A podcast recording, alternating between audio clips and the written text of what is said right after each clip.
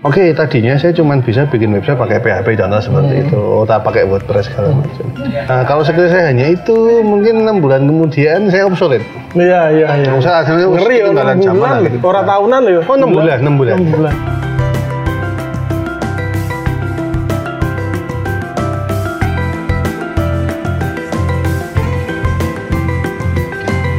Assalamualaikum kawan bertemu kembali di Temu Konco Podcast obrolan saat bertemu kawan. Sa. Ya, kedengaran suaranya ya, teman-teman. Sekarang saya bersama eh, seorang developer, program developer dari sebuah perusahaan karya anak bangsa, ya. Iya, iya. ya, ya benar ya karya anak bangsa ya. Nama PT resminya gitu loh. Nama resmi itu karya anak bangsa. Inilah Mas Jasut. Si, aslinya jeneng siapa tuh, Mas? Kan Denny Prasetyo. Prasetyo, ya. Kok bisa tadi Jasut tuh lho? Si, Ah, si, si. biasa akibat Twitter tuh sama Oh, waktu iya. dulu ya tuh. Awal-awal tahun 2009 kira nggak salah. Gak tahu itu kan ngasih nickname terus melekat sampai sekarang. Oh, sing nickname jenengan sendiri ya? Iya. Oh, no. Terus apa ya dulu saya nyari-nyari nickname gitu aja. Kayaknya dulu sempat ada artinya tapi terus habis itu saya udah lupa itu. Saking suwini. ya, jadi eh, buat teman-teman ya kalau teman-teman saya yang teman-teman kita, teman-teman tongkrongan mesti ngerti siapa Mas Jas dan dia sekarang eh, ada di mana berproses sebagai apa. Tapi kalau yang belum tahu, eh, Mas Jas ini bisa dibilang sebagai seorang software software developer ya. Iya. Di perusahaan itu PT Karya Anak Bangsa itu. Alias? alias Gojek. Gojek. Wah, alias Gojek itu. Sebenarnya software developer atau software developer itu apa Mas? Nggak buat intro dulu biar pada tahu. Sebenarnya apa? Nah. Ya sebenarnya gimana ya? Eh, kan kalau kita ngom- ngomongin tadi kan developer ya. Developer kalau mungkin kita secara umum tuh developer bangunan segala macam. Ya mirip sih. Cuman ya bukan bangunan yang akan dibangun, tapi itu adalah software gitu. Kan kita biasa yang menggunakan software seperti kita pakai Google, kita pakai aplikasi mail atau kita pakai Instagram atau kita Facebook itu kan sebenarnya software yang dikembangkan. Hmm. Nah, pengembang-pengembang itulah saya dan teman-teman Oh, seperti gitu. itu. Ya, jadi saya juga mengembangkan uh, software yang ada di Gojek. Yang kalau teman-teman pakai aplikasi Gojek ya itu saya dan teman yang mengembangkan. Oh gitu.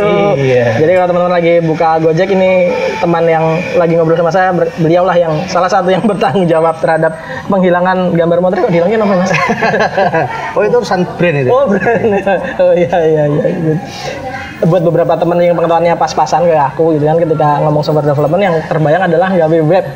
Dan bikin ya bikin web ya coding HTML bla bla bla gitu. Dan ketika bikin web kan ming Ya paling setahun pisan ganti ikut diupdate. Tapi kayak kayak aplikasi aplikasi zaman sekarang ketika kelihatannya mah tiap minggu sak sering sekali di di update gitu. Apa piye tuh mas maksudnya apa, eh, apa sekarang trennya koyo ngono apa piye ngono. Sebenarnya kalau kalau ngomongin dibandingin sama bikin web sih sebenarnya sama aja ya. Kan kalau kita bikin web sebenarnya kalau kita user gitu, kita kan ngakses web itu kan pakai browser Google Chrome atau apa gitu. Nah, itu kan itu kan nanti nanti kita yang dikirimkan gitu. Jadi kita ngeklik button atau ngisiin www.detik.com atau apa gitu. Nah nanti itu itu requestnya itu yang dinamakan request tadi akan dikirim ke server, itu servernya kemudian mengembalikan respon yaitu halaman webnya. Oh, ya, itu ya, simbolnya ya. kan gitu web seperti itu ya. Responnya itu HTML segala macam itu tadi. Nah bedanya kalau yang di skala mungkin lebih besar seperti Gojek, eh, yang mengakses bukan lagi browser tapi aplikasi. Nah kemudian yang di apa namanya yang diproses bukan lagi cuman informasi sederhana. Tapi di situ ada apa ya kayak kita order GoFood Oh, iya, iya, itu kompleks banget ya sebenarnya. itu banyak banget. Makanya eh, software developernya dalam Gojek diri itu jumlahnya cukup banyak. Saya hanya satu dari banyak sekali teman-teman saya gitu Jadi itu sih yang masih ya kadang-kadang orang yang pengetahuannya pas-pasan kok nganti akhirnya tuh aku gawe WP cuma ngomong siji tadi ngono gitu. Iya, terus Karena emang requestnya banyak. Iya, terus karena nanti gini, eh, penanganan eh, simpelnya gini. Kalau kita lagi order GoFood gitu, itu kan yang order kan dalam satu waktu nggak cuman kita sendiri, pasti banyak bisa Iya, ribuan. Iya, iya. iya. Kemudian kan berarti kapasitas servernya tadi itu kan tidak bisa sembarangan gitu lah. Kapasitas server itu satu hal. Kemudian bagaimana kita mendesain, ya istilahnya bangunan lah, bangunan yang lantainya satu lah, lantainya 30 ya beda. Beda ya. Nah, kira-kira cuma seperti itu. Kurang itu. Oke, oke. ya itu tadi sedikit uh, pengantar apa itu software development dan nanti uh, kita bakal ngomong lebih banyak lagi tentang apa itu software development secara penerapan secara real gimana diterapkan di Gojek gitu dan uh, GoPay mungkin. Tuh. Setelah yang berikut ini.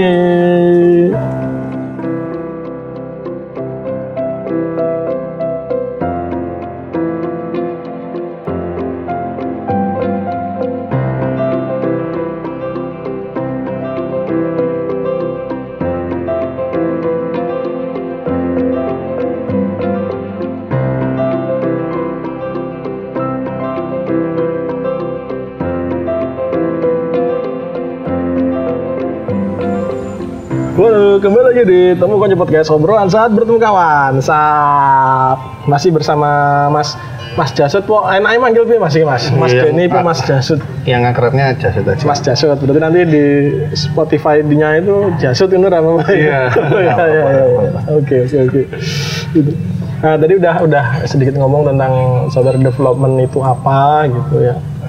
Eh, penerapannya secara garis besar seperti apa nah ini karena Mas Jasut eh, ada di Gojek di Gojek ya di perusahaan karya anak bangsa itu ya Mhm. nah itu boleh tahu nggak penerapannya gitu secara keseharian lah misalnya eh, apa Yang saya lakukan. ah, yang dilakukan gitu sebagai sebuah di Gojek Iya, eh, kebetulan kan Gojek itu sekarang eh, bu- kalau ada yang nyebut Gojek startup ya sebenarnya sudah kurang pas ya karena startup itu kan ketika perusahaan itu memulai ya Nah. rintisan, wah Gojek itu bisa dibilang sudah sebuah perusahaan yang cukup besar.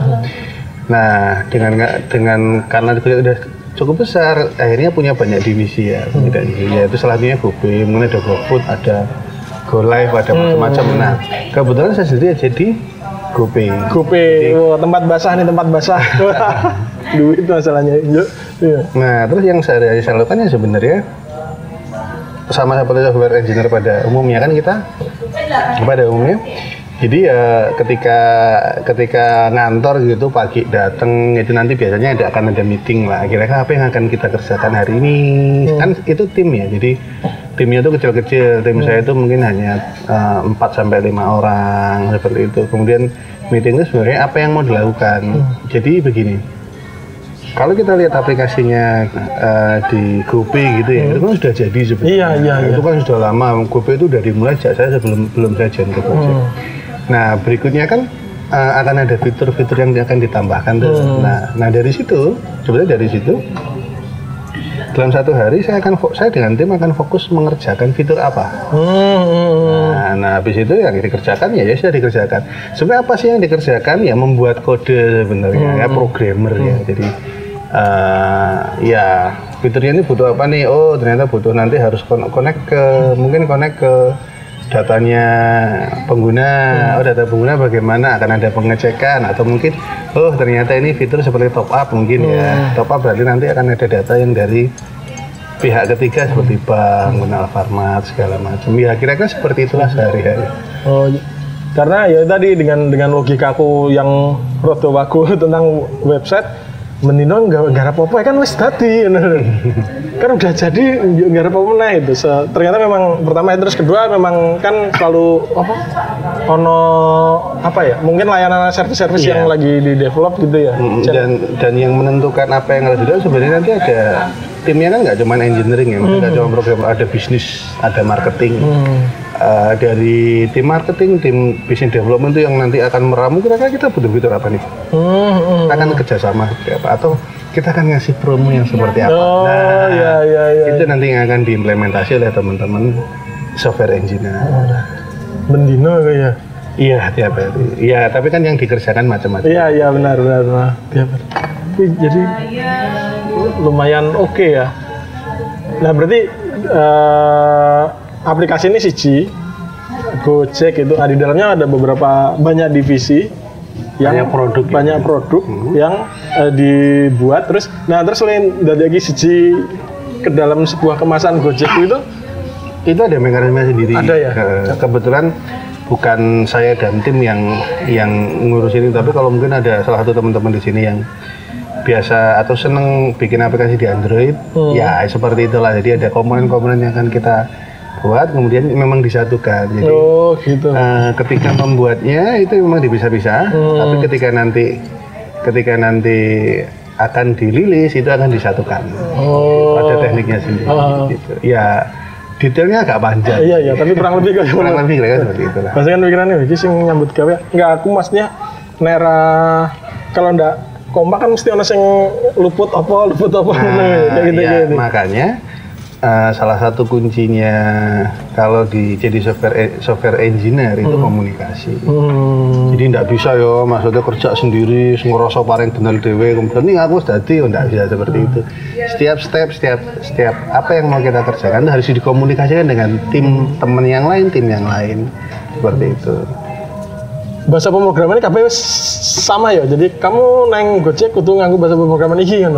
Ora apa iso macam-macam itu-itu. Oh, bahasa pemrograman sebenarnya kalau pemrograman itu beda-beda. Beda-beda. Karena bahasa pemrograman itu kan sebenarnya hanya alat ya, Oh, alat yang sebenarnya nanti itu cocok untuk kasus tertentu. Contoh, kalau kita eh, bikin aplikasi pakai untuk untuk iOS ya, mungkin untuk Hmm. Apple device segala macam ya kita pakainya bahasa pemrograman Swift atau Objective C namanya. Ya kira apa-apa diomongin ke publik bukan Oh nggak apa-apa, itu memang itu sudah sudah Oh, sudah umum. umum ya. Kalau- Kalau seandainya Android ya kita pakai Java atau Kotlin gitu. Hmm. Nah untuk yang back end, untuk back end berarti yang server yang ngurusin Iya. tadi emangnya tadi bisa macam-macam.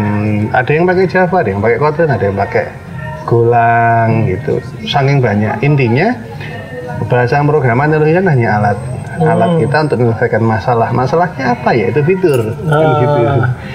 Pokoknya kalau balik baliknya lagi ya kita mau bikin fitur apa, implementasinya bagaimana, kita pilih alatnya yang cocok. Oh, nunggu. Jadi uh, perbedaan bahasa pemrograman yang dikerjakan oleh masing-masing software developer itu tidak mempengaruhi ya. Tidak mengaruhi Ora walaupun bakal joki suruh piye ngono. ya walaupun tetap ada guideline.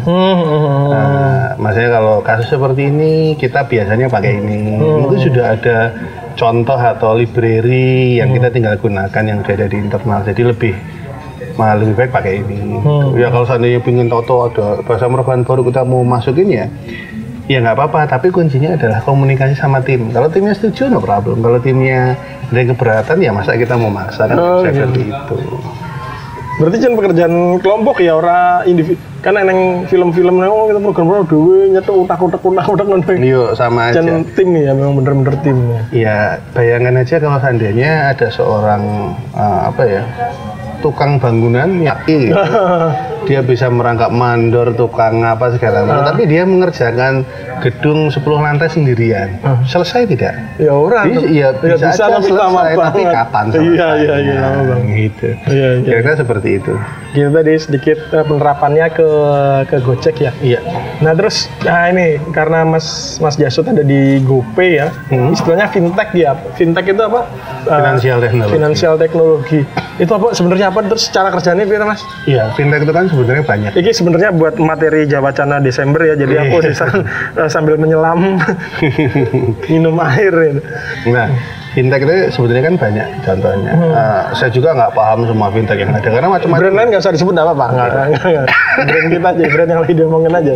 Ya maaf, ini agak-agak batuk. Terus nggak apa-apa santai, saya sok watu mas sama. Oke. Nah, kalau yang di GoPay sendiri itu kan GoPay itu fokusnya adalah eh, e-wallet ya, Hmm. dompet elektronik. Jadi fintech itu e-wallet bukan? Oh tidak. Oh beda ya. Salah satunya Salah dari satunya. fintech yang saya banyak adalah e-wallet. E-wallet. ah. Karena GoPay itu fokusnya adalah e-wallet. Hmm. Nah, seperti itu.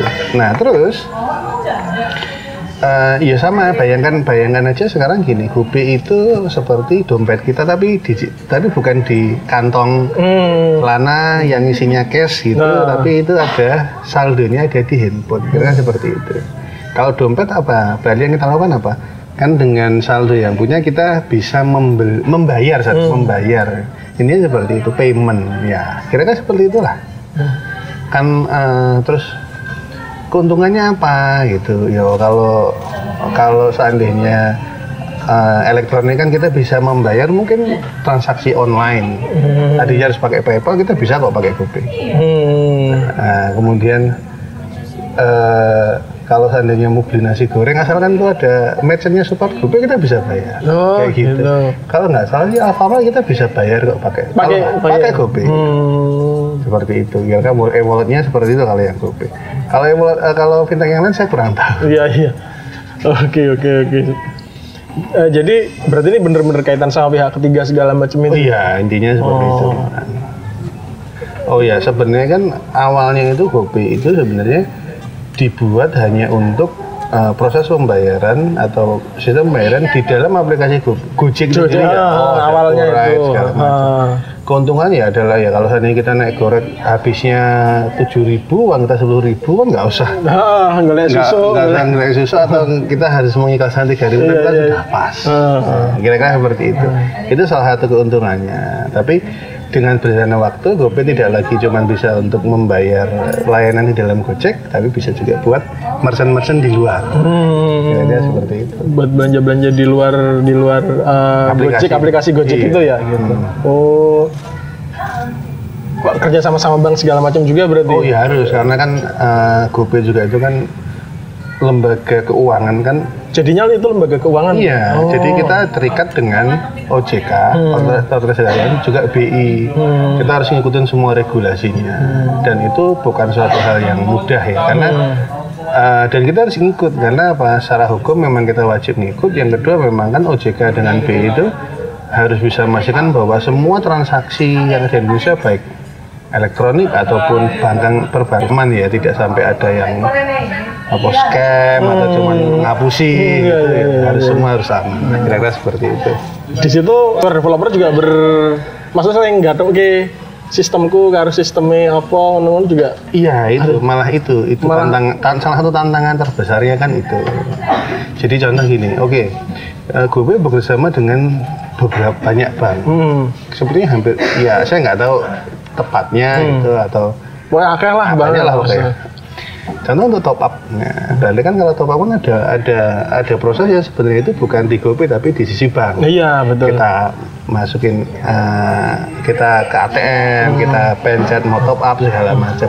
Berarti kan ada sistem yang diproses di di sisi bank, Iya. kemudian akan diterima oleh Di servernya GoPay. GoPay. Nah, itu integrasinya cukup menantang tapi itu bisa. Ya itu yang sering saya yo takjub ngono lho. Maksudnya aku nek ketemu set boko sak kilo, sak kilo, satu rupiah per berapa pengguna kan liru ki. Oh kalau itu, nah kalau biasa. dengan dengan pihak ketiga kan pasti sudah ada perjanjian, Hmm. sudah ada peraturan apa kontrak ya istilahnya kontrak itu bukan kontrak maksudnya kontrak maksudnya bahwa akan data data yang dikirimkan oleh pihak bank seperti ini nanti eh, GoPay yang handle-nya seperti ini ketika nanti data ini ada yang error GoPay-nya harus handle seperti apa seperti itu sudah didesain Sudah di, di, awal oh, jadi serah masalah komunikasi ininya ya, sistemnya Iya, udah dan- udah dirembuk ya. kalau seandainya nanti ada kayak apa ya istilahnya kalau ada selisih ya Hmm. akan akan ada mekanisme udah dirembuk juga kira-kira bagaimana Oh. nge-solve-nya Oh. gitu. Berarti aman berarti. Oh, aman dari- harus aman.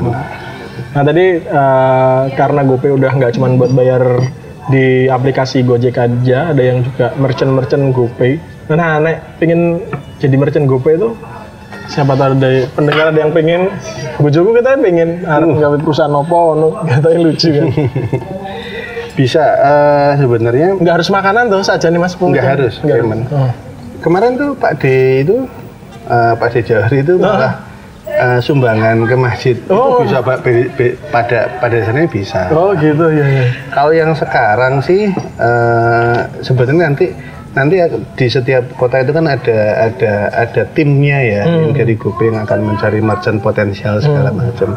Sebenarnya kalau ingin sekarang sih mungkin yang paling paling mudah sih menghubungi saya gitu. Menghubungi saya dalam arti dalam arti begini dalam nanti dirimu agak sengan Wah, nggak apa-apa maksudnya tapi teman-teman dulu didulukan Iya, teman-teman dulu. Maksud, maksudnya gini, eh, kebetulan kan saya datang ke sini ini sayangnya belum mengumpulkan informasi sebenarnya jalur tepatnya gimana. Ah. Nah, kalau menghubungi saya mungkin habis itu saya bisa, oh ini loh ada kontak yang tertarik, akan saya info, infokan dengan tim yang Oh, berwenang. Kira-kira iya, seperti itu bukan saya yang Oh, iya, habis iya, itu iya. nanti ngecek, Eh, oh iya, nggak seperti usaha itu, gitu. nggak, nggak, Eh. aman, aman, aman, gitu. Saya bukan oknum. Oh, bukan oknum. Ini tadi sempat ngobrol sih, bahkan di level ya bukan di- orang ngomong di angkringan, tapi untuk bertransaksi di angkringan pun sangat memungkinkan Sangat yang GoPay memungkinkan. gitu ya. Sehingga angkringan ya boleh. Ah, Boleh maksudnya se- kan selama ini yang gara-gara GoPay GoPay GoFood kalau kita buka GoFood kan restoran-restoran Iya. apa yang udah udah makrong-makrong lah. Hmm. untuk level angkringan juga untuk mengajukan diri sebagai merchant sangat bisa ya mas? Sangat bisa sangat bisa. Eh, kem yang kemarin yang kemarin itu malah ada yang level ini. Eh, saya sempat lihat itu yang jualan gerobak di depan Indomaret Indomaret itu ada tuh Ah, bisa iya, iya. itu nggak ada masalah nggak ada masalah ya Iya. nanti caranya menghubungi mas masnya akan dibantu oleh mas Jasud ya Iya, pakai inform anu aja di Twitter ada Twitter. Jasut. Oke, nanti menghubungi situ dan bakal rame notifikasinya. Nggak apa-apa, nggak apa-apa. Saya siap membantu. Oke. Kemudian terus itu tadi untuk merchant. Terus kalau GoPay, GoPay kan top up-nya. Top up kan dengar-dengar sedang menja eh, sudah menjalin kerjasama sama sebuah bank gitu. Oh, biar untuk mem- bank. memudahkan BCA apa apa yang memudahkan itu enggak ya? Oh itu withdraw. Oh withdraw, oh, withdraw. Jadi gini, eh, gimana mekanisme sebenarnya gini karena karena tadi yang saya sebutkan GoPay itu e-wallet Hmm, kan berarti kan itu pada dasarnya itu hanya menyimpan uang kita rupiah sementara kan Hmm. gitu. Jadi ketika nanti saya top up pada dasarnya kan itu hanya dititip ke. Hmm. Kalau saya membahasakan dititip ke, Dititip cuman ke. ya dititip ke. Dititip Berarti rano ke. riba di sini. Ini tidak ada riba di sini. Kalau urusan riba saya tidak tidak punya tidak punya kapasitas buat menjawab. Nah, Uangnya di DDB.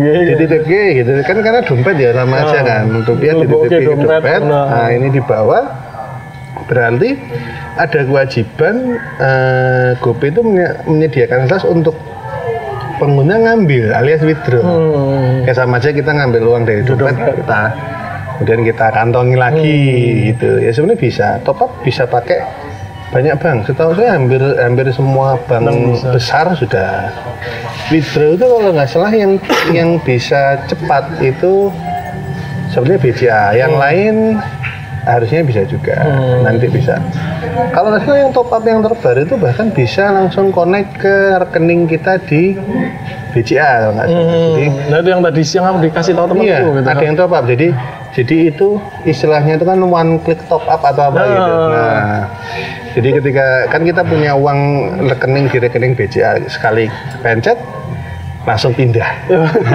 Pencet langsung pindah. Apa ya istilahnya? Tapi tenang itu semua eh, ada auditnya aman. Aman ya, aman. Oke, oke. sip, sip, sip. Eh, itu tadi eh, apa? tentang software development dan eh, penerapannya secara real ya, ya di Gojek, ya di GoPay, ya eh, bahkan gimana anak kalau mau jadi merchant nanti dikasih eh, bakal dikasih pencerahan oleh Mas Jasud di Twitter saja. di Twitter saja. Terus top up gimana dan bahkan ada yang udah bisa memudahkan. Sekarang ada beberapa sarana untuk memudahkannya gitu. Nah di segmen berikutnya kita mungkin akan lebih tanya-tanya lebih dalam lagi, lebih personal mungkin tentang software development dan dia di sana ngapain aja sih real gitu. Setelah berikut ini.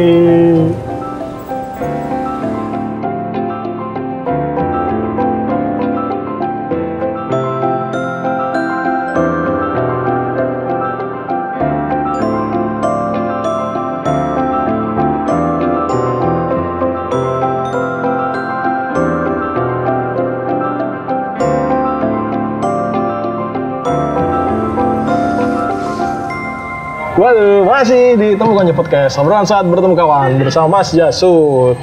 Salah satu tokoh alah tokoh. Salah satu orang yang eh, ada di eh, software developmentnya Gojek Terutama GoPay-nya gitu. Nah, saaploe, eh, saaploe, saaploe selama di Gojek di GoPay itu mm, apa kendala yang ditemui apa itu mas?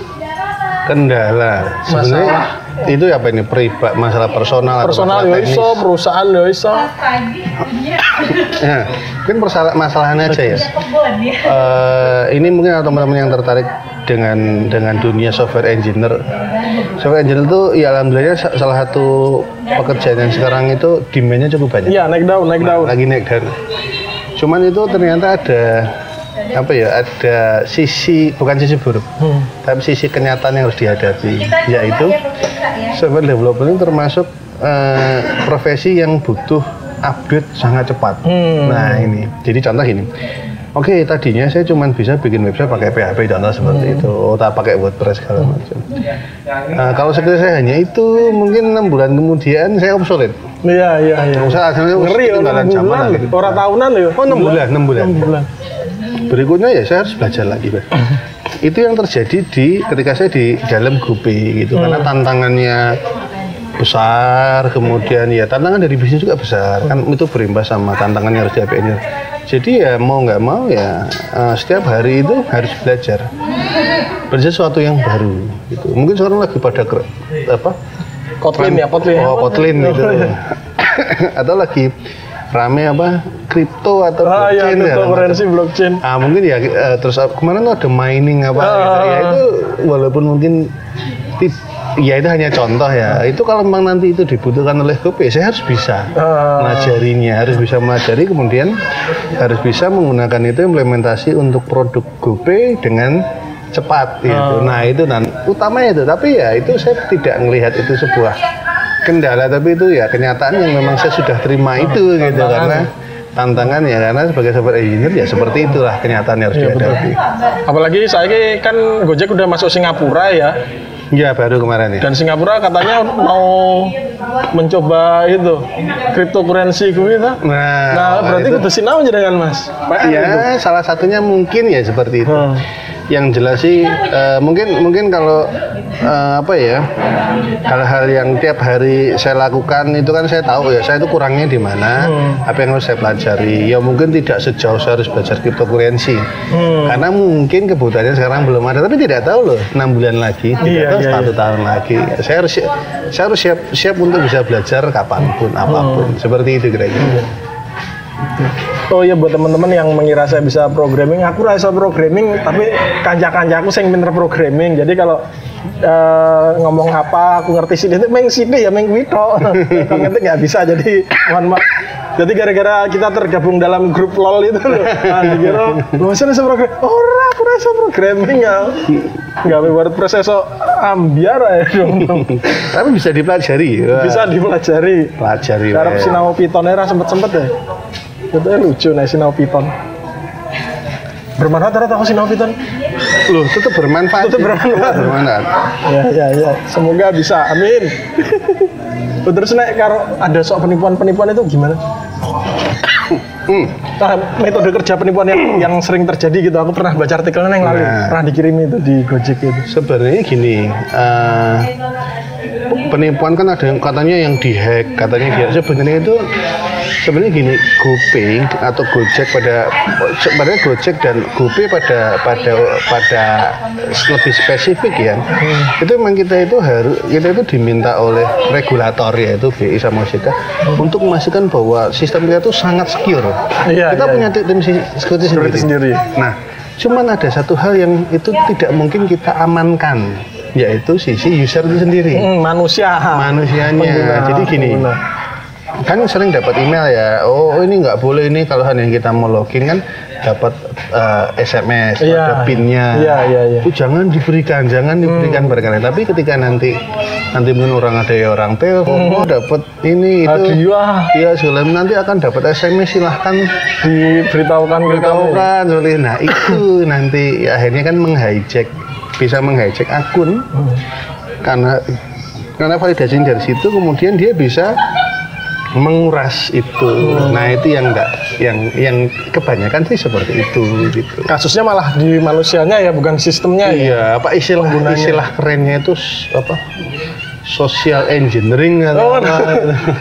Jadi bang, intinya ya ka- kadang kadang kan gini kadang kan gini eh, apa contoh ada yang kita tahu nih ya kita tahu kalau ditelepon gitu kemudian kita dapat SMS kalau kita iseng. Hmm. Angkanya diulak balik Nah. harusnya satu dua tiga kita kasih eh, apa tiga dua satu. tiga eh, satu dua tiga empat jadinya tiga empat satu dua Oh, Nah, di sana ya pinter, dicoba dimulai balik gitu. Oh, Oh, ternyata. Nah, ya, kayak gitu. Ya, ya seperti itu. Ya, akhirnya ngomong kembali lagi kita harus bisa mengedukasi diri kita sendiri untuk jangan sekali-kali memberikan nomor itu. itu. Siapa pun yang minta karena Siapa pun kan, yang minta ya. kan Gojeknya sendiri udah bilang ya jangan jangan memberikan ke Jangan pernah nemu kasus terkuras paling besar berapa itu? Ada sih ada. Ada ya, misalnya mesti ya. Yo iya, iya kasih. Ya, maksudnya yo kan itu suatu pen- pencurian ya bagaimanapun. Hmm. Ya mau bagaimana lagi? Hmm. Tadi itu udah sih kalau kalau kalian ada nggak nggak nggak cuma pengen tanya gimana caranya jadi GoPay merchant tapi juga eh neono saran-saran bobo nggak apa-apa ya. Oh, nggak apa-apa, Di- mau di Twitter aja. Ini kurang piye, ini kurang piye itu bisa langsung ke Twitter ke Mas Jasut. Nah saya gini ada bocah pengen jadi software developer. Nah. Nah, jalurnya ya jalur. Sebenarnya gini, eh, mungkin ada yang ada yang bilang, wah kalau mau software jadi software developer, software engineer itu harus kuliah segala macam. Hmm. Kalau memang punya kesempatan untuk itu, itu dimanfaatkan lah Hmm. gitu. Ya. Eh, tapi apakah harus kuliah, harus lulus S1 itu enggak kok. Gitu. Ternyata enggak, ya? Enggak. enggak ada harus menunjukkan ijazah. Oh, enggak, enggak. ya. Malah alhamdulillahnya eh, kalau di Gojek itu enggak pernah lihat ijazah, tapi kan kita punya serangkaian tes untuk untuk apa namanya menilai kapabilitas lah. Hmm. Nah, yang harus dipelajari yang pertama kali ya eh, kan ada kalau untuk software engineer kan ada beberapa basic-basic yang kita harus paham ya seperti apa algoritma gitu. Bagaimana sih kita melajari sebuah eh, apa namanya komputer itu bekerja. Kemudian bagaimana sebuah bahasa pemrograman itu mengerjain komputer Iya, istilahnya. iya, iya, iya, iya, iya, Ngerjain iya. komputer. Memanipulasi. Wah, manipulasi algoritma. Nanti kemudian ada konsep yang lebih tinggi lagi. Seperti mungkin konsep pemrograman object oriented programming, segala macam ada functional programming. Seterusnya, seterusnya pokoknya gitu. Pokoknya dipelajari. Tapi yang jelas kalau kalau kalau yang eh, pengalaman saya basic teori itu harus cukup kuat gitu. Jadi, Teori pemrograman. dari pemrograman ya. Eh, lebih lebih gampangnya ya kita harus benar tahu bagaimana sih sebuah komputer itu bekerja sebuah internet itu bekerja kita harus harus harus benar-benar paham dari situ kemudian kita belajar dikit-dikit ke atas ke atas ke atas sampai akhirnya kita nanti bisa bikin suatu mungkin aplikasi Android yang sangat keren gitu lah itu bisa Memungkinkan sebenarnya otodidaknya memungkinkan ya. Contohnya banyak. Contohnya banyak. Saya punya temen yang cukup senior gitu. Dia dulu kuliahnya S1-nya finance itu pun nggak lulus. Bodoh. Iya iya iya. Kan kita punya teman juga. Oh iya iya itu iya. itu. Si orang itu ya. Iya, itu nggak lulus sampai sekarang. lulus, nggak lulus itu sudah anaknya. malang-malang Oh, ke mana-mana sebagai software engineer kan. Oh, orang dekatnya penggede. ya ya ya. Jadi misalnya gambarnya nih, misalnya aku aku lagi tertarik ya, belum belum rung teman teman tertarik dan baru buka PY neng Mac nih, Python. Nah dari, dari levelku masih neng kono, masih rung ngerti kayak apa. Itu terus hal pertama yang harus saya laku- lakukan adalah sinau Python gue piye. Iya, sebenarnya anu eh, mau pakai sebenarnya kalau kita baca bahasa programming kan hanya Alat alat ya. alat ya alat termasuk alat buat belajar. Hmm. Kalau mau belajar Python gini aja dulu mungkin kan di internet tuh banyak tuh tutorial tuh. Hmm. Nah, kita ikutin kita ambil satu tutorial satu buku. Kalau butuh bisa hubungi saya bahkan. Yo ye ye. Nah habis itu dari situ eh diikutin saya ujung sampai ujung. Hmm. Karena ada penjelasannya segala macam. Itu dulu jadi modal. Nah, habis itu kalau teorinya itu kita sudah minimal kita sudah baca, tapi nggak mungkin sekali baca itu langsung paham. Iya betul. Saya wis kapan nih urung paham hati saya. Agar lebih paham, coba bikin sesuatu. Kui kelemahan. Urung bikin sesuatu. Nah, Oke. oke. bikin sesuatu kadang kadang iseng aja. Oke, kalau kita langsung bikin aplikasi yang gede, wah ya susah ya. Cuman simpelnya, oke kita kita punya kalkulator tuh. Eh, Bagaimana kita coba meng mensimulasikan kalkulator itu di Python. Oh, ngono gue. Nah, yang kecil. Berikutnya nanti kalau kita sudah terbiasa pakai Python, coba, oh ini ada ada library ini ada framework untuk bikin web. Nah, mungkin namanya Django segala macam. Iya iya iya iya. Cari bukunya kita belajar ujung sampai ujung. Oh, udah jadi. Coba bikin website sendiri. Yang jelas itu tuh bisa, tapi saya tidak bilang itu mudah. Hmm. Gitu. Karena sesuatu yang serius. bisa tapi tidak mudah. Ya, karena sesuatu yang serius itu tidak gampangan. Iya iya iya iya. iya. Bisa tapi tidak mudah. Iya. Jadi memungkinkan ya sinau sinau dewe kan memungkinkan ya. Mungkin loh sebenarnya kalau di kalau di kalau saya rata-rata ketika saya kuliah dulu S1 dan S2 sebenarnya eh, walaupun sih ijazahnya nggak kepake sekarang Tahu kok orang pakai Iya karena kan kantor saya sekarang nggak nggak nggak pernah minta saya itu ijazahnya fotokopi Ya ya ya ya legalisir, ya nggak ya ya. ya. Eh, yang saya dapatkan adalah ketika di kampus itu yang saya dapatkan adalah teman-teman ternyata teman-teman yang punya minat yang sama. Oh iya. Kemudian dari dosen saya mendapatkan eh, mata kuliah yang itu berupa basic-basic basic. Nah dari situ habis itu saya dapatkan itu berikutnya adalah saya belajar sendiri. Bisa dibilang apa yang saya bisa sekarang itu tujuh eh, 90% itu saya otodidak. Walaupun saya punya background eh, kuliah ya IT ya, itu 90% itu dari belajar sendiri.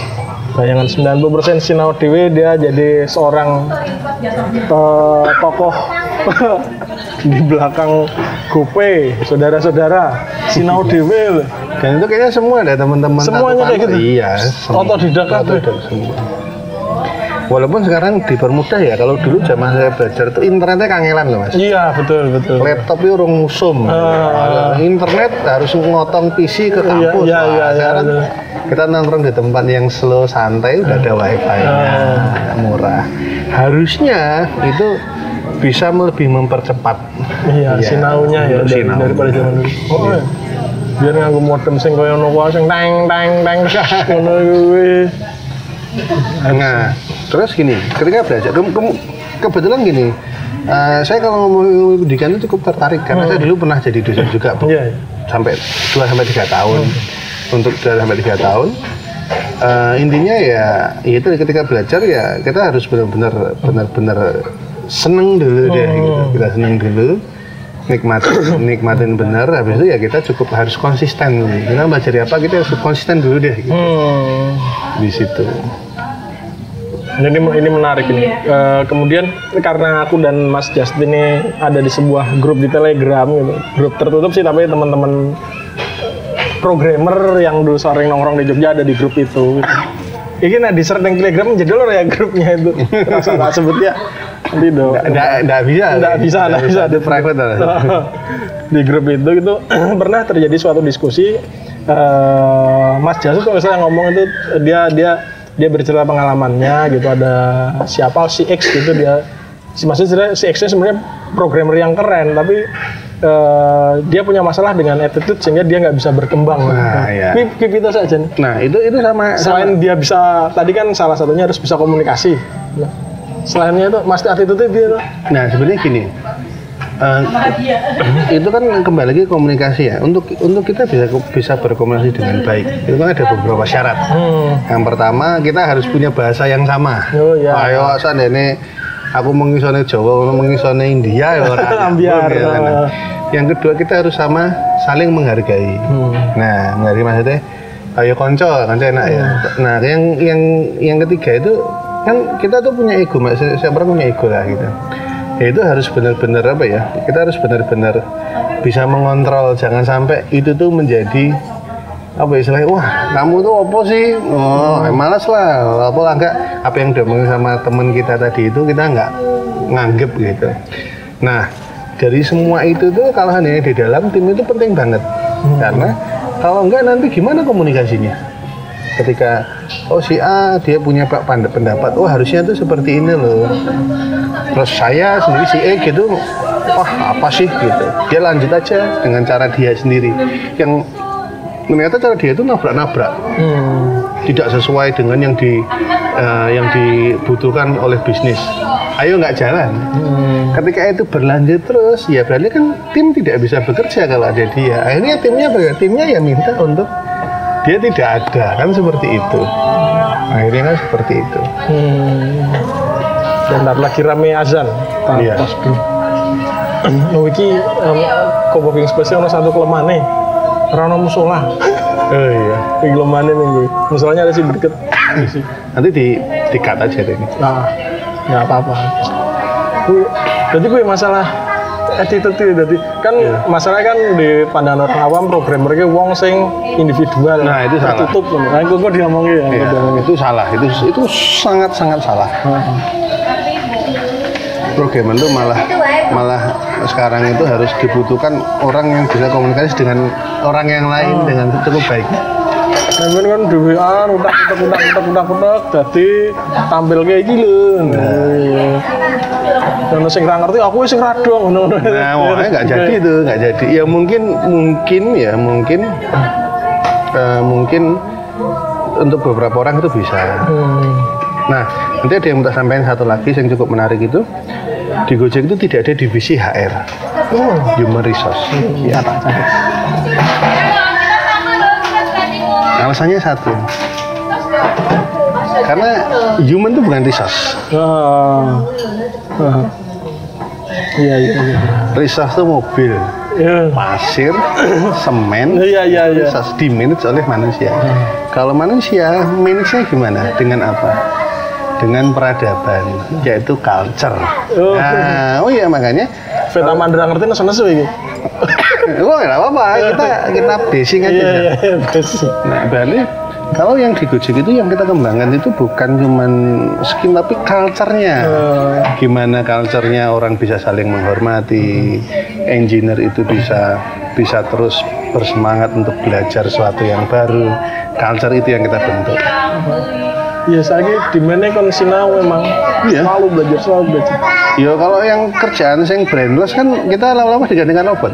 Iya. Tapi kan robot inter interference agency segala macam kan kalaupun mungkin bisa mulai mendekati kemampuan manusia itu kan hanya hal-hal yang Iya. kreativitas segala macam tuh AI ini ya tetap iya tetep bi bisa cuman kan ya sekarang orang ini lah yang yang mengalahkan eh, kreativitas otak manusia ayo wah sangel sih AI masih belum ya. Ini aku baru ngerti ya. Neng neng jadi HR sing masalah sih yang di perusahaan-perusahaan itu malah jadi masalah loh HR ini. ya karena Pemicu adanya office politik ya HR ini. Ya karena gini, HR itu kan mereka yang saya tahu ya, yang saya tahu mungkin kalau moga-moga salah Hmm. atau kalau salah ya tolong saya dimaafkan gitu. Orang AI ramu nggak tenang aja. Iya. Raplut. Ya rawo gua tak sampai ya rawo. Wah. Intinya gini, intinya gini, intinya gini. HR itu ingin membuat aturan agar karyawannya itu manut. Manut, ah, bener, bener. Permasalahannya adalah apakah semua orang itu bisa manut, bisa cocok dengan aturan itu. Oh. kan gitu tapi kalau seandainya HR itu membentuk suatu kultur budaya di situ nah di situ itu budaya apa contoh bahwa kalau seandainya kalau seandainya bekerja dengan tidak maksimal itu izin diri Oh, nah ya. bukan Gue sing dengan harus punishment itu. tapi dengan dengan apa ya pemahaman segala macam yo gue nggak gampang Iya sih, mungkin itu butuh waktu lama ya. oke oke kita lanjutkan. Ya, ini mulainya dari apa aku ngomong programmer itu orang individu aku. iya monggo. Nah, gitu. Oh jadi kan kerjasama ya karena selama ini yang aku tahu ya mungkin teman-teman lain tahu ya gara-gara lihat di film-film. Wih programmer kan gitu kan sangat individualis ini loh. Gawe apa yuk tadi yuk dipresentasikan terus nek ono wong sing ra ngerti yuk wow sing ra dong. Aku tahu kayak ngono mas. Iya, iya. kan kayak gini ora ra dong Wih, kok enggak seperti itu ternyata ya? Eh, mungkin eh, di, di luar lain mungkin seperti itu bisa, tapi kebetulan di Gojek tidak seperti itu. Karena gini, eh, Gojek itu kan perusahaan yang cukup besar dan kita itu cukup flat. Masa yang flat itu dalam arti Bumi datar, aura beda-beda ya. beda. Kapan kita diskusikan tapi bukan sekarang. Iya, iya, iya. Flat itu maksudnya gini. Eh, setiap engineer itu akan punya kesempatan yang sama, suaranya akan semua akan punya akan punya kesempatan sama untuk didengar. Hmm. di situ tuh nggak ada terus nanti ada supervisor ada supervisor ada super supervisor super Nah. lagi sampai bos besar enggak. Ya walaupun nanti di tim yang itu, itu akan ada leadnya. Lead itu lebih untuk mengorganisir Organisir, segala macam. Menga- mengambil keputusan kalau saat ini tidak ada tidak ada apa namanya tidak ada kesepakatan. Tapi intinya adalah semua itu punya kesempatan yang sama suaranya untuk didengar. Nah, dengan seperti itu berarti kan nggak mungkin kalau seandainya kita cuman sendirian nyelip di pojokan atau datang nih ya itu tidak nanti akhirnya impactnya tidak tidak bisa besar gitu karena yang yang dia kerjakan akhirnya yang tahu cuma dia Iya, iya, iya. Nah, yang lain kan harusnya tahu. Padahal tim dan timnya besar. Ah, nah, kalau seandainya si si A itu tadi yang sangat sakti mandraguna itu kemudian mengerjakan suatu hal yang banyak, kemudian dia ternyata cuti karena ingin liburan. Nah, Kemudian ada isu gimana dong? iya, iya, iya. Wah iya. itu itu membahayakan perusahaan sekali gitu. Apalagi perusahaan yang tadi dibilangnya dalam tanda kutip lahan basah. ya. Iya, iya. Karena berarti kesalahan Duit, sedikit kan. bisa meru- me- apa, mengakibatkan kerugian cukup besar. Kira seperti itu. Jadi jangan attitude sekarang penting ya. Ya bukan dulu nggak penting, cuman Memang sekarang dilihat ya attitude itu juga ada seorang penting. programmer.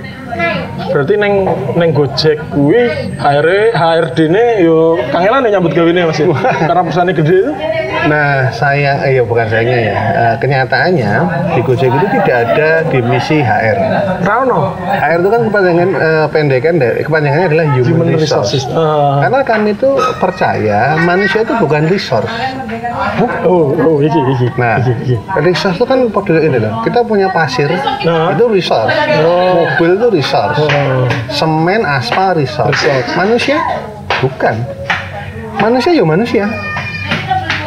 Berarti apa? Ketika manusia bukan resource, berarti kan harus ada cara sendiri untuk menanganinya. Oke, kalau resource kita punya manajemen ya, bisa dihitung, wah ini beratnya berapa, regone, biro, tukune nangdi segala macam. Kalau human bisa seperti itu? Nggak bisa. Ning per kepala ya ada berapa orang ngono kuwi. Nah, kan seperti itu. Nggak bisa. Setiap orang punya punya punya pikiran masing-masing. Makanya kalau di Gojek itu tidak ada HR, tapi kita ada divisi namanya uh, People and Culture, People and culture. Hmm, PAC sebutannya. Aku bisa mlebu kono ora ya?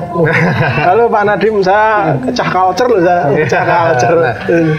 Maksudnya gini, berarti kan yang membentuk manusia menjadi apa peradabannya ya kan culture. Iya, budaya. Mungkin culture budaya orang Jogja sama orang di luar Jogja Jakarta beda, orang sama orang India beda. Nah, cuman kan eh, untuk bisa menggerakkan manusia itu kan sebenarnya culture itu tadi. Nah, makanya Gojek itu lebih percaya pada culture. Uh, jadi daripada mung mung gini ya istilahnya, oh kamu kalau nggak masuk telat tak potong gaji segala macam. Gojek sepertinya yang saya lihat tidak mengambil cara seperti itu. Tapi Gojek bisa mengedukasi semua bahwa ini, ini kita milik kita semua loh. Oh. Dan kalau hanya kita berbuat walaupun mungkin kecil ya di dalam sebuah GoPay, tapi kan ini membantu banyak orang banget. Hmm. Contoh kita di Gojek kita mungkin kerjaan saya di dalam Gojek ini kecil, tapi coba bayangkan berapa mitra yang terbantu oleh Gojek. Jadinya mau tidak mau akhirnya engineer sendiri itu terpacu untuk bahwa saya itu ingin membuat impact Nah, social impact yang besar. Makanya di Gojek itu kita punya tiga pilar eh, utama.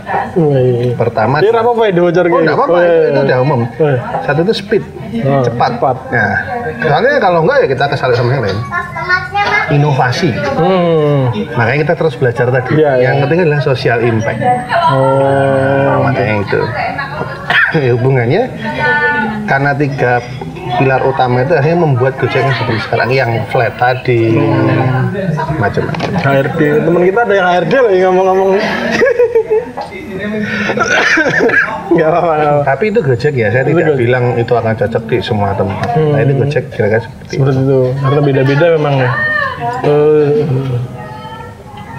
yang terus kaitannya karo Rano HRD apa ya job prestasinya kan ketika orang ngomong HRD orang kan selain khawatir kinerjanya orang maju gara-gara nggak HRD juga apa kinerja apa pencapaiannya piye nah, kan Nah, kalau pencapaian kan kita tetap ada. Tetap ada. Namanya kan OKR, OKR ya. Uh, objective and key result apa apa gitu. Ah. Itu jargon. Nanti bisa kita bisa google lah.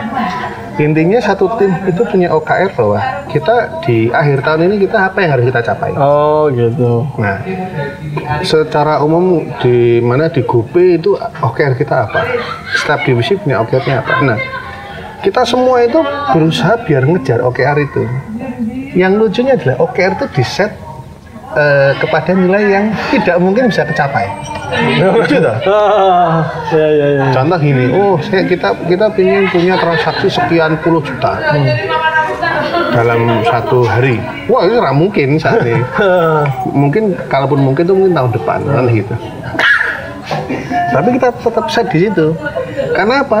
Kita kan ngejar ke sana. Oh gitu. Kalaupun nggak dapat, kan tetap kita akan tetap yang kita ternyata kita dapat itu sudah cukup bagus. Oh, nggak di punishment apa no. Hmm, kita nggak model seperti saya sekarang gini lah. eh, kan ada yang bilang software engineer kan pekerjaan kreatif ya. Hmm. Kalau orang wis gebuki masuk apa kreatif mas? Oh iya iya iya iya betul betul betul betul betul. betul. So far sih menurut, menurut seenggak-enggaknya ini saya cuma ngomong karena saya di Gojek Gojek. So far cukup bagus kok, cukup oke kok. Ya udah terbukti juga sih sing dirasai. ya sejauh inilah sampai merambah Singapura segala ya. Ya, ya contoh sim simpelnya Oh, begini lah. kelihatan lah ya. eh, Ya. simpelnya kalau saya mau mencontohkan diri saya sendiri, eh, ketika saya ngerasa saya kurang produktif, saya malu sendiri. Nah, biar Yang ditumbuhkan bisa tumbuh rasa kultur Iya, ini, itu budaya. Ini tim saya kok ada bulan-bulan ini kayaknya tidak ada suatu yang di apa ya di deliver value yang deliver cukup besar apa wah ya itu ayo saya kita susun sendiri kita kita kerjakan sendiri kita kejar sendiri seperti itu dan itu bikin semua orang happy Oh iya iya iya. iya. Betul betul betul. ya hidup cuma sekali kalau nggak kalau nggak bahagia buat apa benar benar benar. Oh, jangan kayak ngono kuwi ya. Hmm, hmm. Menarik, menarik, menarik. Eh ini di luar list pertanyaan sih. Jadi Boleh. eh, saya kan gembar-gembur disrupsa, disrupsi, disrupsa. Hmm. di- Saja nih piye? Se, se- apa ya? Sepenting apa sih? Ini kan ini mengingatkan aku ketika dulu ada jargon globalisasi, globalisasi kan lebih Pokoknya apa? Glo- dengan globalisasi kita tingkatkan kerukunan warga RW apa tahu aku tahu perlu yang ngono. Sekarang apa disrupsi. sebenarnya kan gini eh, Apa toh saja dan piye toh? Eh, saya nggak tahu ini benar apa salah, tapi ini ini kan pendapatku dewe ya. Hmm. Muka bahwa benar lah salah ya. Mohon saya mohon maaf Nah, sebelumnya. aja digeruduk. Distribusi kan sebenarnya mau jargon. disrupsi itu sesuatu Sebenarnya cuma jargon. Kok jargon gimana? Sebenarnya gini ya. Zaman itu eh, perbanjaran itu pasti akan mendi, mendistrap otomatis eh, apa kondisi yang sebelumnya. Eh, contoh dulu, dulu orang belum ada listrik, Hmm. kalau suatu belum ada mesin, oh ada listrik kemudian bisa ada mesin segala macam. Terus kemudian yang tadinya oh, kalau yang dulu ya mungkin yang Jogja kayak wong numpak andong, Nah, barono sepeda motor segala macam itu kan sebenarnya terdistrupsi. sebetulnya disrupsi ya sebetulnya.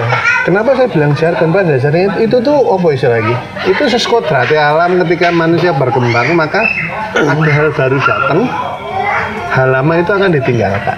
Wis ngono wae. Ketika ketemu bilang wah ini mendistrupsi bisnis yang ada, ya semua bisnis itu akan terdistrupsi pada pada, Pada- waktunya. Ah. Ketika mau Gojek, oh Gojek eh, bisa mendis, mendistrupsi taksi konvensional lah, ya wayahe memang wayahe ganti gitu loh. Mungkin kenapa? Karena kebutuhannya orang yang lebih lebih transparan segala macam ya seperti itu. Kira-kira seperti itu lah. Kayak ngono. Nek revolu eh industri 4.0. Nah, Nah, ini kaitannya kayak karo ngono kuwi ta, karo kuwi. Ini menarik. Nah sekarang pertanyaannya industri 1 0, 2 0, 3 0 kapan? Nah, aku bilang aku eh, ngefollow Mas apa ke? Eh, yang anggota anggota dewan yang dulu aktivis yang ditangkap zaman Orba itu? Budiman Sujatmiko. Nah itu kalau nggak salah. Ya itu sebenarnya ide idenya bagus ini gini, ini gini. Saya nggak tahu kalau nggak salah itu industri 1.0 itu ya pokoknya ada pokoknya ada listrik, kemudian ada mesin, ada apa. Nah yang sekarang itu kalau nggak salah itu industri 4.0 itu ya pokoknya teknologi informasi yang sekarang ada ini gitu. Jadi kita harus bisa membuat industrinya itu bisa adopt dengan itu gitu loh. Kira-kira seperti walaupun realnya nggak ngerti. Karena Realnya nggak ngerti. nggak ngerti maksudnya maksudnya gini itu kan jargon lagi ya. Iya, oh itu jargon. Nah, mungkin realnya sudah ada. Mungkin Gojek udah informasi industri 4.0 mungkin ya. Atau mungkin ada industri ada yang lain. Contoh yang tadinya orang jualan kudu yang pasar mbok. Nah. kios saiki penting punya Tokopedia, Bukalapak dan sebagainya bisa kirim lewat ekspedisi, Jenny dan teman-teman sudah bisa punya toko Oh. dan bisa punya penjualan. Mungkin seperti itu maksudnya. Hmm. Kalau detailnya kayaknya kita perlu tanya ke Mas Diman Oh, tentang ini. revolusi eh, industri 4.0. Iya, iya. Karena itu sekarang sering di diomongkan, sering disebut-sebut gitu loh. Mana ya sini di industri 4.0. Nah, mumpung, nah mumpung ini, mumpung setidaknya ini kembali lagi di luar di luar software development tapi aku terus kelingan gara-gara kita ngomong jargon jargon jargon wi jadi di, di grup kita yang cahlol eh oh jadi kita bisa. Di grup kita grup rahasia kita itu juga eh, beberapa kali terjadi diskusi ya diskusi sepele orang diskusi berat cara maksudnya diskusi santai gitu tentang big data. Saja big data wi ngono-ngono wi Iya, kuwi ya jargon juga big data. Big data itu jargon. Sebenarnya gini, eh, kenapa orang dibilang big data? Big data itu sebenarnya kan ada yang bilang, oh karena semua data sudah besar. Sebenarnya gini, ketika disebut big data itu kan volumenya besar, jumlahnya besar. Oke. Yang kedua jenisnya kan macam-macam. Terus yang ketiga apalagi ya? Formatnya beda-beda lah. Saya detailnya kurang kurang yes, saya agak lupa detail. Biasanya mau mau Ya poin-poin penting lah kayak gitu. Nah. Eh, maksudnya big data itu sebenarnya kan dengan gadget yang kita punya. ya. Hmm. Semua itu kan mengumpulkan data. Contoh, kita kalau pakai Android kan kita Google tahu kita di mana. Iya, iya, iya. Oke, contoh. Oh, sekarang eh, dengan satelit yang ada Indonesia bisa tahu kok udan kok kapan gini bakal Hmm, udan segala macam udah tahu. Nah, big data contoh kalau di Gojek sendiri kita bisa tahu mungkin kita bisa tahu banyak informasi tentang behavior eh, apa pengguna. Nah, Hmm. Maksudnya big data itu kan dari data yang sudah ada itu tadi, yang beraneka macam. Itu gimana caranya biar kita bisa ngolah datanya, kemudian kita menja- dapat menjadi sebuah informasi yang cukup komprehensif, yang itu nanti bisa digunakan sebagai pertimbangan mengambil depan. Oh. ah. Kira-kira seperti itu. Contoh. BNBN juga udah melakukan itu sebetulnya. Iya, cuman mungkin dulu datanya tidak sekompleks Oh, sekarang gitu. Kalau dulu ya sama ya, maksudnya kalau punya supermarket, oh sing payu model iki, model iki, model iki nanti besok sing kulaan iki iki. Hmm. Karena seperti kalau eh, apa Indomaret Alfamart sebenarnya kan informasi mereka kan banyak banget ya. Iya. Oh, produk ini lebih laku di sini. Mungkin mereka langsung bisa gambarkan peta segala macam. Itu satu implementasi dari big data itu sendiri. Big data itu jargon lagi. Tetap jargon juga. Ya, sebenarnya kadang kadang ketika ketemu jargon itu kita hanya perlu asin ini ngopo. Ternyata oh seperti itu. Oh iya iya. Ya Caca yang anak-anak orang-orang yang terjun ke situ ya mesti ngerti naik jargon, nah yang nggak Iya. tahu itu loh terus. Iya. Wah, big usah kita nganggo big data loh, wah, katanya wangun tenan. Ya wangun sih datanya gede, tapi Tuh, tapi kalau ini waktu datanya besar tapi tidak bisa diapa-apain, Oh. coba coba. nggak di sampah tapi kan tuh. ngebabai harddisk. Nah, Yuk di share di forum. beda ya itu ya. beda. maafkan beda. Maaf, beda di share di forum. Oke, eh, apa ada saran-saran pesan-pesan? Asing hadiah ini harus banget. Oh iya. Oh ya, apa ada pesan-pesan apa saran-saran? Oh iya, ini kebetulan eh, pesan mungkin ya pesan ya. Mungkin kalau teman-teman tertarik tentang GoPay, tentang bagaimana SIM merchant segala macam, bisa eh, menghubungi saya lewat di Twitter. Hmm. Nanti bisa koordinasi juga dengan Mas Temu. Nanti eh, kita akan ada GoPay yang bisa dibagikan buat teman-teman buat nyobain lah seperti apa. Ini cocok cocok banget buat yang belum pernah coba. Ya. Jadi ini nanti eh, ada yang ini akan bakal bagi-bagi GoPay gitu Oh, ceritanya. betul. Oh, iya, ya iya. udah banyak. Iya, cuman banyak. Iya. Gimana gimana? Yang pengen pengen dapat bagi-bagi GoPay harus Dua handphone ya, iya Oh iya. Punya aplikasi Gojek. Oh, punya aplikasi Gojek. Kemudian eh, sudah KYC. KYC itu yang eh, registrasi itu. Oh, sudah registrasi ya. Itu saja. Registrasi yang apa? Ya pakai foto Pakai segala foto, ah, pakai foto itu itu. biar itu karena itu tuh kewajiban eh, yang diamalkan oleh undang-undang kayak regulasi. gitu. Hmm, udah kewasi tuh terus kemudian Nah, bisa ngubungi Twitter kita. oh gitu bisa ngubungi twitternya Mas Jasud dan twitternya temu konco Iya.